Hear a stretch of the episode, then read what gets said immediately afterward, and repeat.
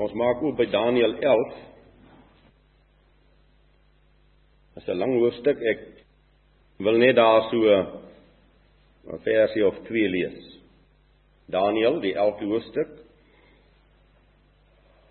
Kom ons lees daar so vanaf vers 29.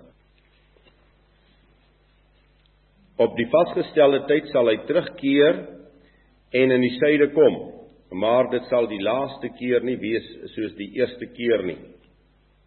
Want skepe van die kateers sal teen hom kom en hy sal moedeloos word. Dan sal hy teruggaan en sy toren openbaar teen die heilige verbond en optree. En hy sal teruggaan en ag gee op die wat die heilige verbond versaak het. En deur hom sal leers op die been gebring word en die heiligdom die vesting ontheilig en hulle sal voort die hulle sal die voortdurende offer afskaf en die ontsettende gruwel opstel. En die wat goddeloos handel teen die verbond sal hy met vleiery afvallig maak. Maar die volk wat hulle God ken sal vashou en optree. En die verstandiges onder die volk sal baie tot insig bring maar hulle sal struikel deur swaard en vlam, deur gevangenskap en berowing daarlank.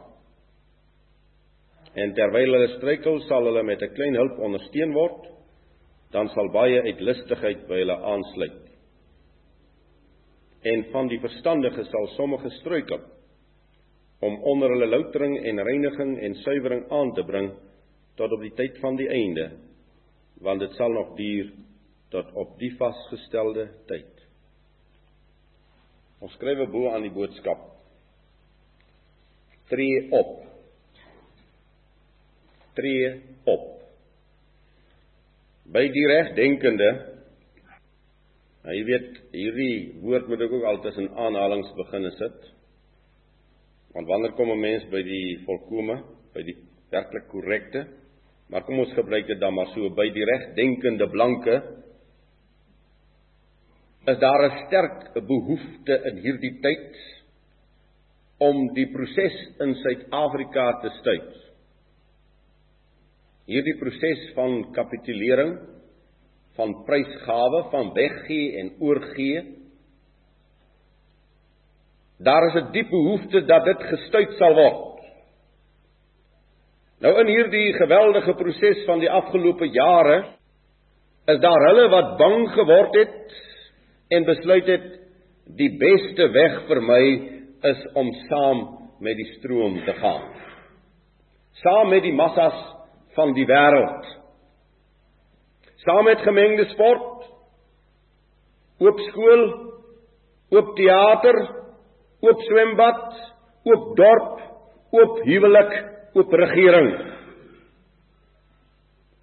En daar is vir diegene wat so besluit het, geen toekoms meer wat betref hulle eie kultuur, hulle blanke vel, hulle unieke reg om as blanke in die wêreld te bestaan. Geen, daar is geen toekoms meer vir hulle. Jy moet mooi luister wat ek vanmôre sê. God, Jahwe, laat hom nie deur die mens bespot en minag nie. Elke talent elke gawe elke posisie waarin hy vir jou en vir my geplaas het is besonder. En hy sal dit eis. Die gedeelte in Daniël 11 handel oor 'n mag wat sou optrek. 'n geweldige sterk mag. Ons sien dat hy vroeër opgetrek het as u nou die hele hoofstuk lees en dat hy wel slae behaal het en dat hy weer sou optrek, maar dat dit nie met hom die tweede keer so goed sou gaan nie, maar 'n geweldige mag wat sou optrek en optrek teen wie? Teen die volk van Jawe in die wêreld. En nou moet jy oplet, wat vir 'n mens geweldig, wat vir my geweldig gegryp het in hierdie hele hoofstuk, is dat daar telkens staan optree teen die verbond, optree teen die heilige verbond. Ek lees vers 28 en hy sal na sy land teruggaan met baie goed en sy hart sal teen die heilige verbond wees. Sy hart sal teen die heilige verbond wees. in vers uh, 30 wat ons reeds gelees het, dan sal hy teruggaan en sy toorn openbaar teen die heilige verbond en optree. Vers 32 En die wat goddeloos handel teen die verbond sal hy met vleiery afvallig maak. So u sien hierdie hoofstuk wil vir ons iets uitlig wat geweldig belangrik is en dit is die heilige verbond. Nou in die volk Israel se bestaan was daar net een heilige verbond. Wanneer God Jahwe met Israel verbond sluit by die berg Sinai, dan is dit 'n heilige verbond. Dis 'n verbond, dis 'n huwelikskontrak, ons weet dit nou al teen hierdie tyd. En dis 'n heilige, dis 'n afgesonderde, dis 'n eenkant, dis 'n apartheid saak.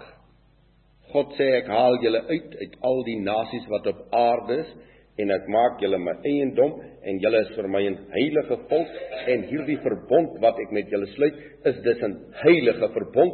Dit is vir niemand anders as vir Israel. Dis vir niemand anders as vir hierdie volk nie. Nou moet jy oplet hierdie maghebber hy sal optree teen die verbond. Dit wil sê hy sal hierdie verbond vernietig.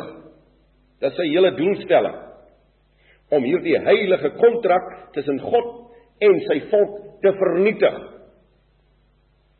En die wat goddeloos handel teen hierdie verbond Dit wil sê dis net Israel wat goddeloos kan handel teen die verbond. Dit wil sê wat hierdie verbond kan minag, wat hierdie verbond kan verbreek, wat hierdie verbond van hulle kant af kan verwaarloos en vernietig. En die wat teen hierdie verbond optree, die wat dit vernietig, hy sal hulle met vleiery afvallig maak. Is uh, aangrypend hoe dat hierdie dinge saamloop. En wat vir my interessant is dat ons hier lees in vers 30 hierdie maghebber. Hy sal ag gee, hy sal ag gee op die wat die verbond verbreek. Dit wil sê hy sal hulle aanhelp, hy sal hulle kant staan, hy sal hulle bemoedig, hy sal hulle versterk, hy sal sy mag en sy krag aan hulle gee, hy sal hulle op die pad hou. As u nou 'n goeie begrip het dan kan u nou sommer baie invulle aanvul vir ons tyd. Geweldig dat hierdie maghebber sal ag gee op die wat die verbond versag. Nou as ons nou maar net na die wêreld kyk waarin ons leef, dan is dit verstommend hoe hierdie geldmaghebber, hierdie illuminati van ons dag, van 'n klomp mense het wat waarvandaan kom, wat iewers uit die heidendom uitkom Nee, mense wat medebroers en susters van ons is vanmôre. Hoe dat hulle ingestap het in die broederbond en hoe dat hulle ingestap het in die vrymesselary en hoe dat hulle verkonkel is met vleiery afvalle gemaak is. Nou party hoef jy nie eens meer te vlei nie, jy kan hom net 'n klompie geld gee dat doen hy wat jy sê. Maar wat 'n vleiery. Nou wat is vleiery? Dit is om iemand so 'n bietjie heuning om die mond te smeer. Dit is mos om iemand so 'n bietjie te verhef, om hom so 'n bietjie status te gee, om hom mag te gee, om hom krag te gee.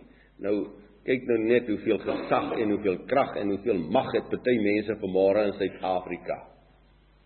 Ag, en hy is ook maar net 'n ou mensie wat jy eendag uh, sal hom so as dit nou vir hom begin word, sal hy daar in die grond begrawe word. Sy liggaam.